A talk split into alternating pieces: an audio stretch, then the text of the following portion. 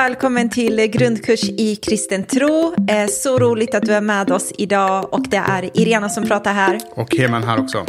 Eh, och vi hoppas att du har haft en bra resa hittills i att utforska liksom vad den kristna tron handlat om. Eh, vi är inne i avsnitt nummer fem just nu, där vi kommer prata lite mer kring just vetenskap, kristen tro, får vi ihop det eller inte? Så det kommer bli ett spännande samtal faktiskt. Ja, men jag tror verkligen det. Förra, eh, I förra avsnitten så pratade vi om vad kristendomen faktiskt handlar om. Mm. Eh, och olika människor kommer ju in i eh, det här med kristen tro eh, med olika bakgrund kan man säga. Alltså för vissa så um, har man kanske kommit från en annan religion, andra kommer från en ateistisk bakgrund eh, eller så har man på något sätt tro på en gud men man vet inte riktigt, man har inte definierat det. Så man, vi har liksom alla den här bakgrunden, den här ryggsäcken med oss när vi går in mm. i det här. Eh, och i tre avsnitt eh, nu så kommer vi prata just kring det här med vetenskap, eh, med eh, Gud, kristendomen. Eh, vi kommer ha några avsnitt som handlar om vad, eh, var kommer universum ifrån, var kommer livet ifrån. Mm. Och lite grann ge liksom en bild av hur ser en Eh, en kristen på det här med livet och, och alla de här svåra och stora frågorna skulle jag ändå vilja kalla det. Ja, men det är stora frågor och jag, jag ville bara haka på det du säger, Hemen, där om att vi är olika och det är verkligen så. Vi kommer från olika bakgrunder, vi har olika perspektiv på saker och ting, vi har olika filter eh, när vi, hur vi tar emot information och så vidare. Eh, och just när vi är inne i det här ämnet med vetenskap, liksom har inte vetenskapen bevisat att Gud inte finns, så tror jag att man reagerar lite olika kring det. Att vissa känner så här, yes, Alltså äntligen, nu pratar ni om saker som jag verkligen behöver få klarhet i, jag behöver få förståelse kring detta, jag får inte ihop det, liksom. jag tycker att de strider mot varandra och så vidare och så vidare. Och medan andra som kan vara så här, ah, superbra ämne, men det kanske inte är det mest viktigaste för mig för att gå vidare i min process i att utforska mer kring vem Jesus är, vem Gud är, om det kristna tron är någonting för mig. Mm, och, och där är du och jag väldigt olika kan man säga, ja. alltså nästan som natt och dag. Mm. Eh, jag tycker att det här är superviktigt, superintressant. Jag ska berätta lite om min personliga eh, resa liksom alldeles strax eh, in i det här avsnittet. Men för dig så är det här typ så här, men det rör mig inte. Nej. Alltså, det, liksom, det gör varken till eller från. Det kan vara skönt att veta att jo men vetenskapen strider inte mot min tro, men om den skulle gjort det så spelar det ingen roll för mig och, och så. Men för, ja. medan för mig så är det så här, Jo, men jag vill på något sätt försöka få ihop det. Exakt. Ja, men det var en bra beskrivning av oss två. För att jag brukar tänka så här, för min del så är inte det här en förutsättning för att jag ska tro. För jag trodde innan jag fick bekräftelsen från liksom att det här hör ihop så att säga. Mm. Eh, men, men samtidigt så vill jag också vara tydlig med att det här faktiskt kan hjälpa vissa att känna så här, det här är en viktig pusselbit där man liksom, ja men, eh, man, man får klarhet i, i vissa saker som man känner, nu har jag fastnat i detta, jag kommer verkligen inte vidare. Och med det sagt, jag tror ju på det, jag tycker det är viktigt, så liksom kategorisera inte mig i den som inte liksom så här, är helt bortkopplad, så är det inte. Men jag har inte det som mitt största intresse, verkligen inte. Du går inte omkring med en foliehatt och eh, tror att liksom, jorden är platt. Exakt, och, eh, så. typ lite så, tack. så sätter man mig i rätt kategori.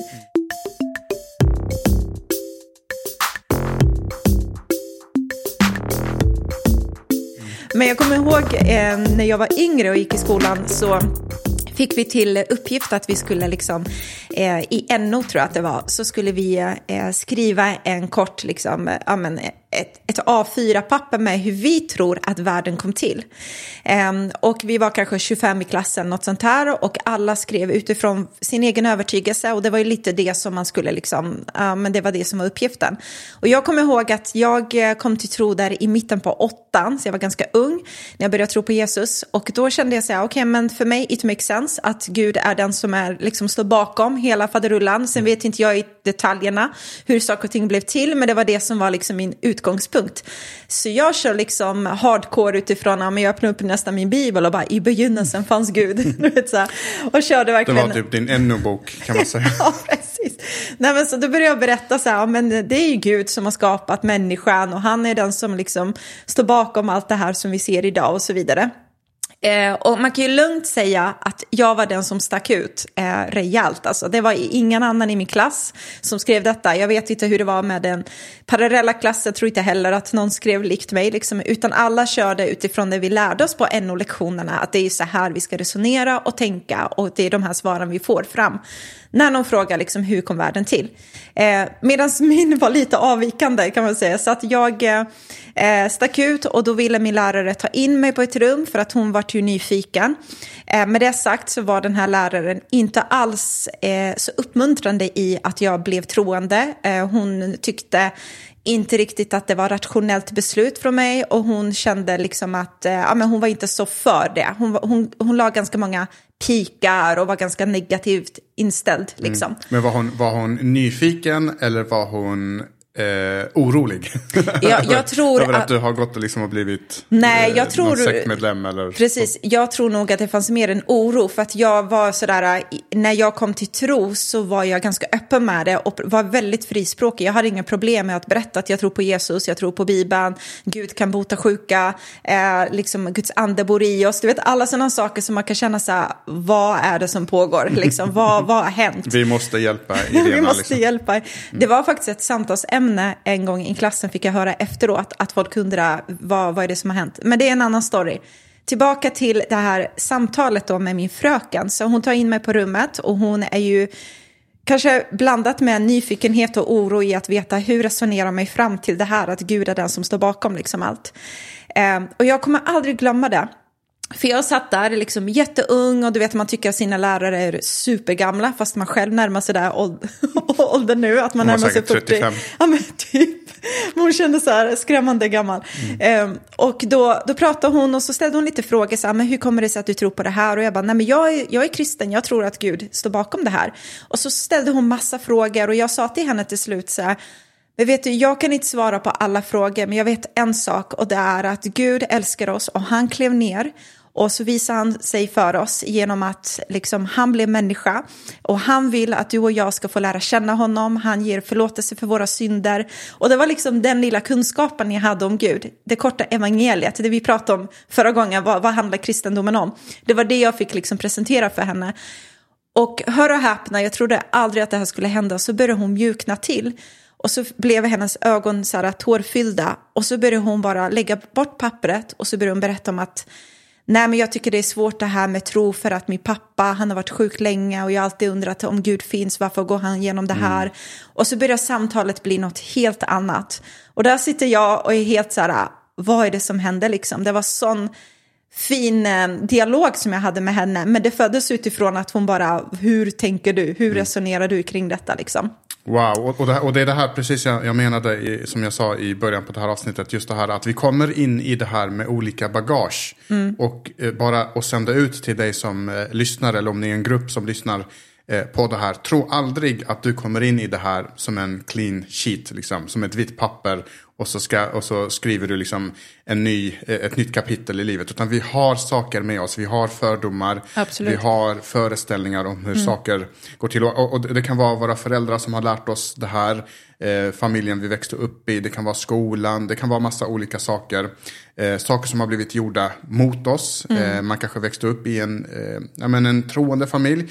Eh, och så händer det hemska saker. Och sen så börjar man liksom koppla ihop kristen tro med det hemska som hände med mig. Mm. Eh, och det här är liksom inget vi kan rå för, utan vi, vi kommer alla med, med, med, detta. Så att oavsett om man är ateist eller om man är kristen så har man ett bagage ja. med sig in i det här. Precis, ja men det har man och det är därför vi vill skapa utrymme i just den här kursen om att du kan få ställa dina frågor, vilka frågor det än är, alltså så små eller hur stora de än är, så ska du få möjlighet att få ställa dem till oss. Och undrar du över någonting längs med kursens resa, så snälla gör det. Alltså gå in och gå in på Instagram och Facebook på våran tro och livsstilkontot. Skicka ett DM, ställ dina frågor så kommer vi samla ihop frågorna och svara så gott vi kan. För att det är viktigt att kunna få den möjligheten att få få ställa den här frågan som man känner så här, men den nager där inne liksom. Jag, jag bara behöver få svar. Mm. Och de här frågorna kommer vi sen också att spela in. Eh, och du, du kommer vara helt anonym såklart. Men vi kommer spela in de här frågorna så att det blir bonusmaterial i den här kursen. Mm. För att det är så här att om du, om du går runt och undrar på den här frågan så är det med största sannolikhet så att det är jättemånga andra som också har exakt samma fråga. Och då gäller det att vara liksom den personen som vågar eh, så här, men nu ställer jag den här frågan och så hjälper du alla andra som också går runt och tänker på samma sak. Exakt. Heman, du började med att berätta om att vi alla är liksom olika, vi har gjort olika resor och så vidare. Och jag gjorde den här resan från att kalla mig kulturellt kristen till att jag började fatta vad jag bekände mig till, alltså den kristna tron. Men du har gjort en helt annan resa och det är min följdfråga till, är det därför du är så intresserad av vetenskapen också? För du var ju muslim innan, sen mm. blev du ateist och gick hardcore in på att utforska liksom, vad säger vetenskapen. Och sedan landade du i att den kristna tron är det som du vill liksom, tro på och bekänna dig till. Men är det mm. därifrån du har fått den här nyfikenheten kring liksom, vetenskapen versus Gud? Alltså jag tror att det handlar väldigt mycket om hur man är lagd som person. Alltså hur min hjärna funkar, hur din hjärna funkar, hur du som lyssnars hjärna eh, funkar. Och eh, när jag eh, ska försöka göra en jättelång story så kort jag bara kan. Men när jag växte upp så växte jag upp med jättedåliga förhållanden. Vi var jättefattiga och eh, eh, ja, men gick igenom jättemånga jobbiga saker. Pappa, min pappa lämnade, min mamma eh, gifte om sig. Den personen eh, i princip brukade våld mot oss. Och det hände massa olika eh, saker som jag inte går in på i detalj just nu, kanske någon annan gång. Men det ledde mig till att tänka att hur kan det finnas en god gud? Och, och så har jag fått gå igenom alla de här sakerna. Ungefär som din eh, lärare eh, mm. resonerade. Eh, och, och, min slutsats var att nej, men det kan inte finnas en gud. Eh, för, för åtminstone inte en god gud. Och om det finns en gud som inte är god då vill jag inte ens tro på honom. Om han ens existerar. Eh, så jag blev ateist när jag började gymnasiet. Och det gick så långt att jag hade en kompis och så gjorde vi narr om religion. Och vi kom fram till liksom att alla som var troende, det var svaga människor som behövde tröst mm. när livet blev tufft. Men vi minsann, vi är intellektuella, vi är starka, vi behöver inte den trösten utan vi klarar oss på egen hand liksom. Eh, och eh, så långt så att i, i eh, på tredje året på gymnasiet så, skulle vi ju, så ska man göra ett, ett eh, projektarbete. Ganska stort projektarbete. Och så eh, började vi fila på vad skulle vårt projektarbete handla om. Och då kom vi fram till den här genialiska idén att vi ville bevisa hur eh, töntigt det var med tro och hur fel det var med religion. Eh, så, så, och vi ville bevisa det genom att vi, jag och han, skulle skapa en ny religion. För att bevisa hur enkelt det var för Mose och Mohammed och Jesus. För oss var det, var det, liksom, det samma, eh, samma grej liksom. Mm. Skrot och kol liksom. Eller, eh, så. Men vi skulle skapa en ny religion och så skulle vi bevisa hur enkelt det var för dem och komma med lite nya regler och så säga det här är en ny religion, jag är eran profet, tro på mig. Och så tror ja. så. Och, och, i vårt huvud så, så tänkte vi att men det, det, måste ha varit så enkelt det var för de här personerna och att det var så här det gick till. Men den här religion, jag heter ju Heman, mm. så den här religionen skulle heta heminismen. Oh my. eh, och jag var liksom den här profeten och till slut ja. det, det, gick liksom överstyr så bara nej, vi, må, vi, vi, kan inte presentera det här, vi måste skrota det här. Så vi gjorde det och eh, gjorde ett annat projektarbete. Men det här visar lite grann hur anti kristendomen jag var. Alltså en mm. riktig hardcore ateist. Så. Mm. Och jag hade alla mina bevis klara och alla mina argument klara och så vidare. Eh, och sen så eh, hände det då att jag eh, blev eh, kristen eh, efterhand då. Det går jag inte in på eh, just nu. Men jag minns ändå någonting från min uppväxt som jag tyckte var väldigt intressant och som jag bär med mig än idag. Och det var, och jag vet inte hur du hade det, men när jag växte upp så eh, hände det väldigt ofta att jag kom hem och mamma eh, var inte hemma. Mm. Utan jag kom liksom hem först eh, för att jag slutade tidigt. Och då kom man och så slog man på tvn och så tittar man på alla de här eh, programmen du vet på sin tjock-tv. Mm. Eh, och på den tiden var det ju liksom massa olika, det var Baywatch och det var liksom andra program. Och bland annat ibland så var det typ så här eh, Vetenskapens värld eller något i den stilen. Det var liksom en, ehm, men du vet de här do, do, liksom vetenskapliga dokumentärerna med den här du vet, djupa rösten. Ja, som, ja, ja. ja som, du vet, man tittar på den, ja. hälften för att man är intresserad och hälften för att jag behöver somna. Och den, ja. och den rösten kan liksom vagga in mig i sömnen. Så alfahanen går runt och letar efter... Ja, men typ så. Ja, jag och, fattar helt. och, och då var det en gång så var det ett program som han, handlade om dinosaurier. Mm. Och det intressanta med det, och tanken slog mig redan då, och, och då, det var liksom innan jag blev ateist, det var innan jag blev liksom någonting av, av allt det här, innan jag blev kristen. Så slog tanken mig, för de beskrev dinosaurierna, lite som du sa nyss, typ så här, alfahannen gjorde det här. Mm. Och eh, nu har modern omsorg över sina okläckta ägg och hon beter sig si och hon känner så och så vidare. Och så bara slog mig tanken, hur i hela friden kan de veta allt det där? För de sa inte en enda gång, vi tror att de kände så här, vi tror att de gjorde så här, vi tror att det gick till på det här sättet. Utan de pratade om det som att det var ett faktum. Och så bara, hur, hur i hela friden kunde de veta alla de här sakerna om dinosaurierna som vi aldrig har sett? Alltså det Precis. vi har av dinosaurier är lite liksom fynder av skelett. Eh, och, och ibland kan det ena skelettbenet vara på ett ställe och en kilometer bort är det andra skelettbenet. Och så har man hittat dem och så har man pusslat ihop dem och hoppats att det är skelett från samma dinosaurie. Och så har vi byggt upp liksom en, en dinosaurie. Och jag tror att dinosaurier har funnits, det är inte det jag säger. Men hur kan vi veta hur, hur de betedde sig, hur de var, hur de lät? Eh, och faktum är att vi vet inte ens hur deras hud såg ut. Nej. Jag vet inte vilken hudfärg de hade, om de hade fjädrar eller skinn eller liksom. Så vi vet nästan ingenting, men vi gör dessa dokumentärer. Och så pratar vi om det som om vi vet. Ja. Och det här köper då unga och gamla människor och bara sväljer det med hull och hår utan att ifrågasätta eh, någonting av det här. Eh, och varför jag nämner det här, det är för att det här är en röd tråd genom vetenskapen. Jag älskar vetenskap. Vi liksom har prenumererat på illustrerad vetenskap. Och, och jag älskar, jag har inget emot vetenskap. Men att många gånger så utger vi oss för att veta saker. Vi säger att vi vet saker. Men egentligen vet vi ingenting om den saken. Eller väldigt lite i alla fall. Eh, vi kommer ju ha två avsnitt eh, eh, efter det här. Och det ena avsnittet handlar om Big Bang-teorin. Hur universum kom till. Och det andra handlar om evolutionsteorin. Hur livet kom till. Men faktum är att vi vet inte hur livet kom till. Vi vet inte hur Big Bang-teorin. Men vi kommer gå in på det. Men det, det här är min bakgrund liksom som till hur jag, eh, inte angriper, men hur jag går in i det här ämnet då. Precis, och det, och det är ju så spännande det där, för att du sa det var liksom när du gick i skolan och det är x antal år sedan, kanske 15-20 år sedan, som du fick se det där. Och än idag, vi har ju en dotter som är 10 år, hon kommer hem från skolan och så är det självklara saker som man pratar kring, just eh, tillbaka till det här med dinosaurier, att man utgår ifrån att jo men så här är det bara och vi har bara accepterat att det är det här som är den absoluta sanningen kring de här detaljerna som du var inne på liksom. Men just det här med vetenskap och det övernaturliga brukar det vara sådär, men hur får vi ihop det liksom? För att det är oftast det som man kan tycka är lite utmanande. Liksom, vetenskap är väldigt fakta, du kan mäta det, du kan se det, du kan liksom, du vet, ta på det på något sätt. Att många kan tycka att det är lite utmanande kring det här, men tror man verkligen på mirakler? Liksom? Hur får du ihop det? Du som säger att du tror på vetenskapen. Liksom. Och jag skulle vilja säga fakta inom citattecken. För att vi, många av de saker som vi säger att vi vet, vet vi inte som sagt. Ehm, men men eh, så är det ju. Och många tänker så här, på grund av att vi har vetenskapen så kan vi inte tro på att mirakler kan ske.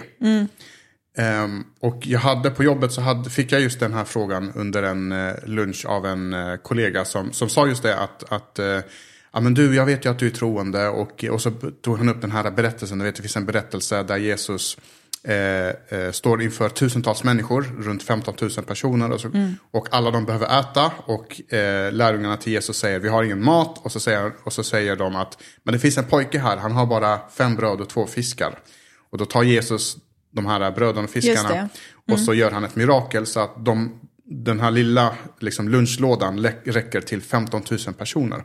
Och så ställer den här kollegan då frågan, men tror du på det här liksom? För att, för jag tänker ju mer att det här är lite metaforiskt, liksom att ja, men, eh, vi ska göra det mesta av det lilla vi har och, och så vidare. Och så bara absolut, eh, det handlade också om för att ofta är, är berättelserna, för det här är en berättelse, det här är ingen liknelse. Så det är eh, viktigt att, att så här, särskilja. Jesus ger liknelser och de ska vi försöka tolka och förstå vad de betyder. Men en berättelse, det var något som faktiskt hände. Det är liksom en historiebeskrivning. Eh, men, men att de är mångfacetterade, ja det kan absolut betyda det du tror, eh, att, så som du tolkar, att vi ska göra mycket av det lilla vi har. Men eh, jag tror också att det var ett faktiskt mirakel som skedde där. Hela kristendomen bygger på ett mirakel, det vill säga miraklet att Jesus uppstod från döden. Vi vet att människor gör inte det. Eh, till vardags. Mm, till vardags normalt sett. Men ja. Jesus upp, uppväcktes från de döda och det finns berättelser från andra människor som har uppväxt från döden efter det. Eh, men hur, och hur kan man tro det? Liksom, måste man ha, är det blind tro? Liksom, hur ska man eh, resonera eh, kring det? Och då tänker jag så här att och man måste lyssna på alla de här tre av, avsnitten i följd för att kunna förstå mitt resonemang nu. Och det är att har jag tagit klivet till att tro att det finns en gud, en övernaturlig gud som står utanför tid och rum som har skapat hela universum i, liksom på ett ögonblick.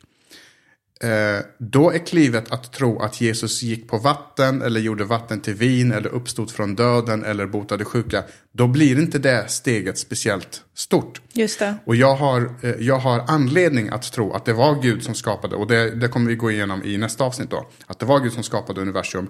Så har jag redan tagit det klivet, då, då känns inte det här så, så, så märkvärdigt för mig mm. längre. Just det. Men det är en ganska bra förklaring liksom, kring de sakerna, att det är, eh, det är så man får ihop det. Liksom. Men, och, och Gud står ju utanför tid och rum, så han kan i princip, alltså Gud är ju allsmäktig, han kan göra vad han vill när han vill och ingripa liksom in, in i vår historia och göra det här övernaturliga om han känner för det. Exakt, alltså vår natur är väldigt regelbunden. Och när vetenskapen uh, forskar i naturen så forskar den utifrån liksom regelbundenheterna som finns i naturen. Men precis som du säger så kan Gud bestämma sig för att göra, nu vill jag göra något annorlunda. Mm. Och då kan inte vi människor som han har skapat som är så små säga till Gud, men hörde du förresten, eh, jag glömde säga att just den här grejen får du inte göra. Nej. Som att det är liksom, Exakt. som att det är vi nu som Nu håller du dig här till precis, det vi har bestämt. Innan, ja. inom, inom ramarna.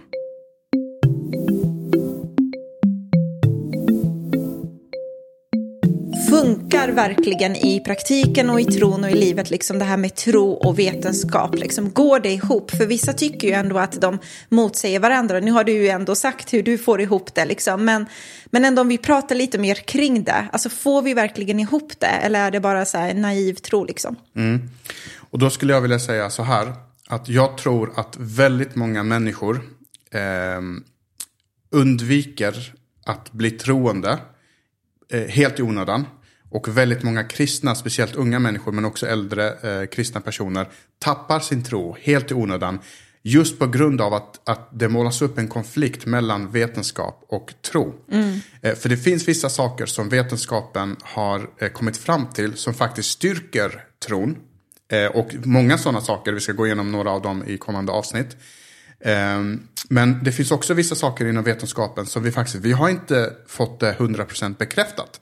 Lite kring det här, eh, liksom samma eh, story kring, som det här med eh, dinosaurierna. Utan vi säger att vi vet saker men i själva verket vet vi inte. Så vetenskapen idag vet inte var livet kommer ifrån. Nej. Vetenskapen idag vet inte var materian och naturlagarna och allt det som Big Bang uppstod ifrån, var det kommer ifrån. Så, så båda de här berättar var, var universumet, hur universum har utvecklats och hur livet har utvecklats men inte var det kommer ifrån. Och det är där Bibeln kommer in i bilden och säger, hej men vi vet. Mm. Eh, vi tror att det är, eh, att, eller inte vi tror, utan Bibeln säger inte vi tror, utan jag säger vi tror. Men Bibeln säger, det är en, en, eh, en, eh, en gud som är utanför tid och rum, som är före allting, som inte är skapad själv. Vi ska gå in på de detaljerna, vad de eh, betyder för någonting. Så att vetenskap och tro är inte emot varandra. Och när de är emot varandra så skulle jag vilja säga så här. Då är det, då är det för att eh, då är liksom vissa saker som, som, eh, som, som begränsar, tre faktorer som begränsar hur vi närmar oss Bibeln och hur mm. vi närmar oss vetenskapen. Och de tre sakerna har med människan att göra. Just det. Och den ena saken är människans felbarhet. Alltså du och jag kan göra fel. Mm. Eh, en sån sak är att eh, vissa saker i Bibeln har tolkats om. Vissa saker i vetenskapen har reviderats. Vissa saker var vi helt 100% säkra på, så här är det. Eh, till exempel om universum är evig eller inte, det ska vi prata om i nästa avsnitt. Det känns som att jag säger det hela tiden. Ja, men det blir mycket smått och gott som väntar oss där. Ja, eh, så, så, att vetenskapen har, har, ändrats och det är för att människan är felbar eh, och kan göra fel och kan tro och tänka fel. Det, det andra är att människan är begränsad. Alltså vi lever i tiden, vi lever i rummet. Vi var inte, vi ingen av oss levde för 13 miljarder år sedan. Precis. Ingen av oss levde när det sägs att den här ursoppen fanns där de första eh, liksom DNA eh, fanns. Det är också något vi, vi kommer att prata om. Så vi är begränsade på det sättet. Vi är små, vi har begränsad kunskap. Och det tredje, det är människans fördomar. Än en gång det här med att vi kommer in med ett bagage. Eh, mm. Så att om jag till exempel ska eh, eh, om, om, jag ska, eh, om jag får höra att apor och människor är, de är så lika varandra. Eh, så kan en ateist säga att ja, men det är för att människan har utvecklats från apan. Mm. Men en kristen kan då säga, ja men fast det där är ju för att det är samma hjärna bakom båda. Alltså det är samma konstnär. Typ skapare bakom, bakom båda. Precis, mm. samma skapare bakom båda. Och det är därför de liknar varandra. Så att beroende på vad vi har med oss in så... Så, Just det. Eh, eh, så, så att när, de här, när vetenskap och Bibeln inte går ihop så är det antingen för att vetenskapen helt enkelt har fel. Eller att vi tolkar Bibeln fel. Mm. Eh, och att vi, för att det har vi faktiskt gjort, att vi har omtolkat vissa saker. Och ja, just det. Nej, men, och, och det är inte för att det är inte för att vi försöker blidka vetenskapen utan bara, fast vi gjorde en assumption här, vi gjorde en, eh, ett, ett antagande som faktiskt inte stämmer. Mm. Eh, och vi läste in saker som inte står där. Mm.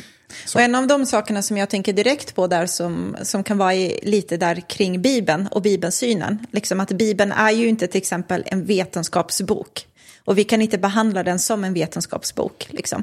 Exakt, det där var en jättebra poäng. Och, och det där är eh, någonting som man verkligen måste ta med sig. Att jag kan inte gå till de första kapitlen i Bibeln som beskriver skapelsen och tänka att det där är en vetenskapsbok som kommer mm. på molekylnivå och liksom atomnivå berätta för mig hur, hur universum kom till och, och så vidare. Utan Bibelns uppgift är framförallt inte att tala om hur det gick till utan vem som står bakom den. Mm. Sen har Gud lagt ledtrådar i naturen. Han har liksom eh, gett oss lite hintar och så, och så, och, och så får våra nyfikenhet göra att vi kommer närmare och närmare. Hur kan det ha kommit till? Och det kan vara så att vi aldrig får veta exakt hur det gick till någonsin på miljoner år. Mm. Eh, utan att det får, får bli liksom ett mysterium som, som ligger hos Gud. Just på, på grund av att vi är begränsade mm. och vi vet väldigt eh, lite. Mm. Men är det inte lite så med vetenskapen att den liksom på något sätt har en förutsättning i att allt ser ut så som det gör idag. Liksom. Att det, man har det som en ursprungspunkt när man liksom, eh, landar i vissa svar. Ja, men det är en av de här fördomarna. Mm. Eh, då, att, att när vi tittar då på eh, Big Bang-teorin och evolutionsteorin så förväntar vi oss och utgår ifrån att världen har sett ut som den har, gör, som den har gjort i flera miljoner år. Mm. Ingenting har någonsin förändrats under flera miljoner år utan det har bara varit en, liksom en eh, kontinuitet från början till slut. Och om det är så, ja då funkar de här matematiska formlerna som, eh, som vi har kommit för. För att Big Bang-teorin är i princip en matematisk formel. Vi har räknat ut hur det måste ha varit och hur lång tid det har tagit. Vi vet inte faktiskt att det var 13 miljarder år utan det var en matematisk eh, formel. Och nu blir det eh, lite överkurs här kanske, men jag kan ge ett, ett tankeexperiment. ja, eh, och det är att Bibeln säger ju att i begynnelsen så skapade Gud världen och sen så skapade han Adam och Eva. Och när Gud skapade Adam och Eva så andades han eh, livsanda i dem och så började de leva. Och han skapade ju inte Adam och Eva som bebisar. Nej. Som sen växte och lärde sig gå och äta och prata och så vidare. Utan han skapade Adam och Eva som fullvuxna människor. Mm. Och skulle du och jag varit med när Adam och Eva skapades och träffa dem. Typ så här, vi går ute i eh, naturen och så stöter vi på de här människorna. Då skulle vi tro att, men vi säger att Gud skapade dem som 25-åringar då leker med tanken. Mm. Då skulle vi tro att ja, men de här människorna har levt i cirka 20 år. Så de är 20 år gamla och de har en 20-årig historia. Just det. Mm. Men i själva verket så har de inte en 20-årig historia. Det verkar som att de är 20 år gamla, men de är bara en dag gamla. För vi såg dem dagen efter att de skapades. Mm. De är liksom pinfärska från ugnen kan man säga. ja. Eh, och på samma sätt skulle det kunna vara med våran, vårat universum att Gud skapade det i ett enda nu och det kan verka som att det är flera miljarder år. Mm. Men Gud kan ha skapat det för bara en miljon år, tiotusen år eller vad det nu eh, ja. kan vara. Och så kan det verka mycket äldre ut än vad det är.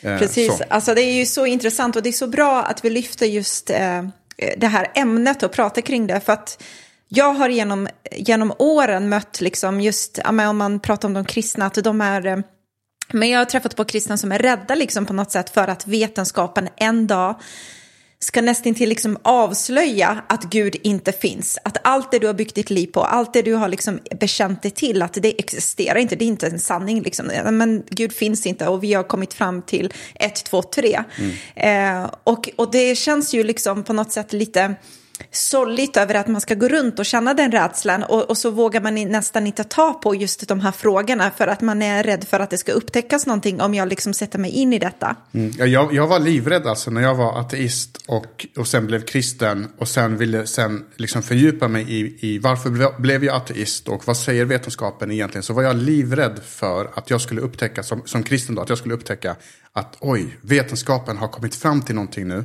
Ett, ett bevis på att Gud inte finns och ett bevis på att allt det som står i Bibeln är fel. Men ju mer jag har studerat det, desto mer jag har kommit fram till att nej men det är ju precis tvärtom. Alltså att vetenskapen för varje nytt rön man gör, för varje ny upptäckt man gör, så stärker det mer och mer den bibliska berättelsen. Och det är någonting som man kan tänka så här, vad snackar du om? Mm. Men det, det, är precis det vi kommer att prata om i de två kommande eh, eh, avsnitten.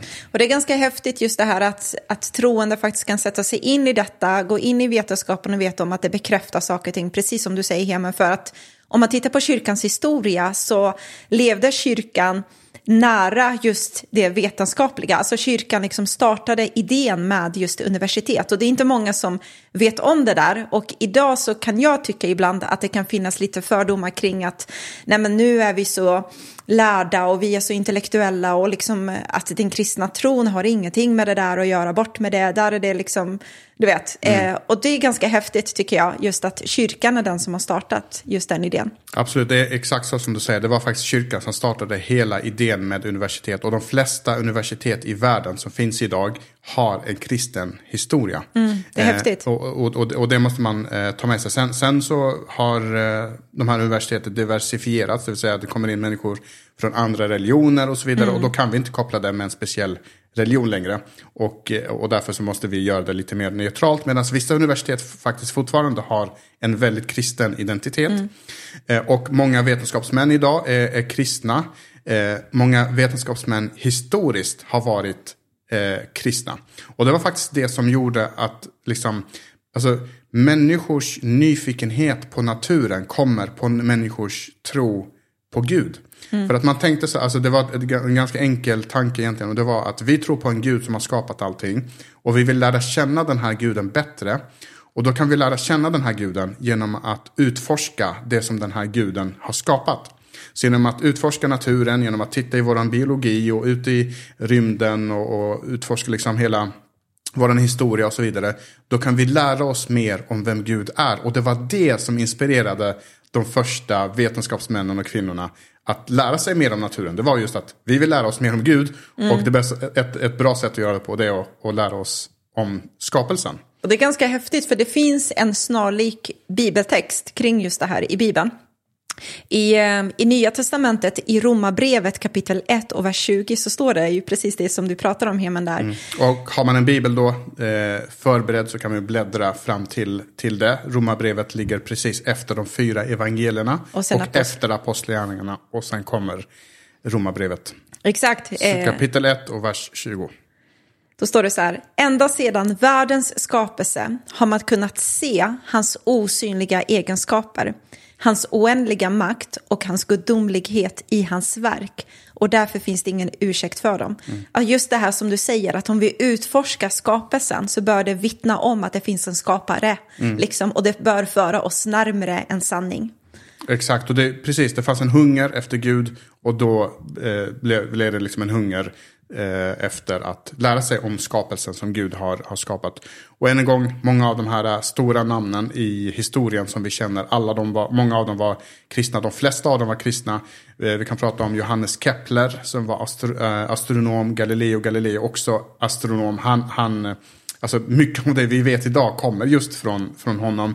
Eh, Isaac Newton, alltså gravitationen, kom igen. Liksom. Mm. Utan gravitationen, eh, kunskapen om gravitationen så hade vi så mycket hade, hade inte varit som det är eh, idag. Och Isaac Newton var en matematiker och kristen då. Eh, vi har Blaise Pascal som gjorde den första kalkylatorn som eh, ses då som den, världens första dator redan på 1600-talet. Oj, oj, oj. Långt innan eh, Apple, Lisa och Mac och eh, Windows, eh, de första ver versionerna, vad de nu hette. Och alla de här människorna som sagt, de var kristna och de hade en, en längtan efter att lära känna Gud bättre. Och så då, så för dem var det självklart att jag gör det här för att jag ska upptäcka Gud i naturen. In, och det fanns ingen rädsla hos dem att nu när vi forskar i naturen så kommer vi upptäcka att Gud inte finns. Utan precis tvärtom, de, de förväntade sig att de skulle hitta Gud i naturen. Mm, det fanns ingen rädsla liksom, att utforska det som Gud har skapat. Liksom, så. Pre- Precis, och de senaste hundra åren, så då kommer man tänka, men det var på 1600-talet, det var då, och nu har det ändrats, nu vet vi bättre. Upplysningstiden, 1700-talet, bla bla bla.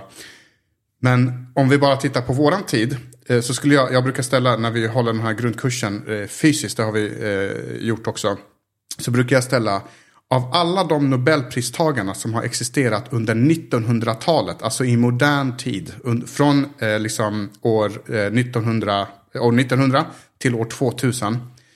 Hur många av dem tror du är kristen? Brukar jag ställa. Nu vet ju du svaret så jag ska inte ställa den för dig. Men jag kan ställa den till dig som, som lyssnar. Hur många tror du av dem är kristna?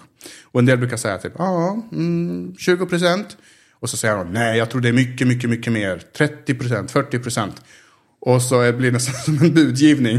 Eh, tills vi kommer upp i 65,4 procent.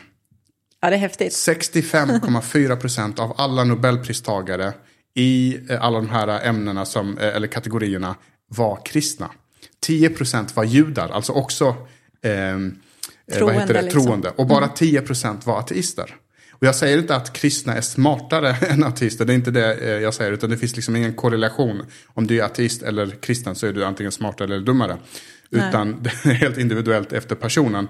Men jag säger att det här är bara ett bevis på att kristna har aldrig varit rädda för vetenskap. Utan tvärtom, de- deras tro har drivit dem till att forska Mm. och lära sig mer om den här skapelsen. Ja, och det, det, är, alltså det är grymt. Det är jättekul att höra, tycker jag såklart, för jag är superpartisk här, kän- känns det som. Men, men det finns ändå en myt som cirkulerar runt som vore nice att kunna liksom, antingen bekräfta den eller ta hål på den och så vidare. Just det att man, när vi lägger upp det här, att man var så intresserad av den eh, Ja, men det, de troende var intresserade av att utforska och så vidare, liksom, och man var inte främmande för det.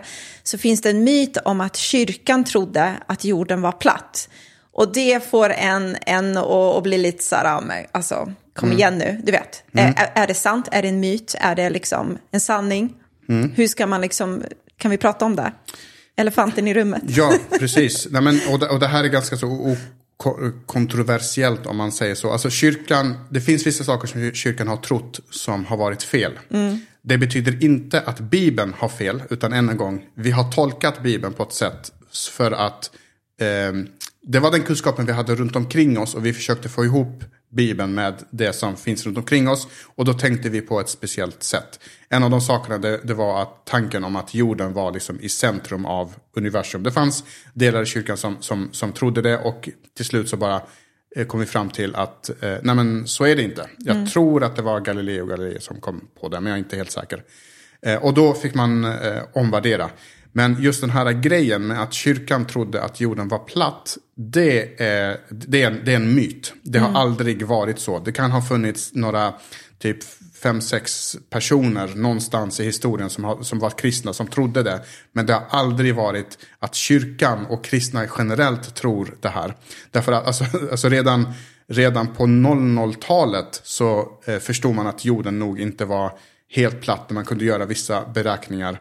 Eh, och, och den här myten faktiskt, och det här är lite sorgligt och det här ska man ha med sig, att det finns krafter som inte vill att kyrkan ska liksom, att kristendomen ska existera, utan man motarbetar kyrkan. Och du kan googla det här själv och du kan läsa just det här.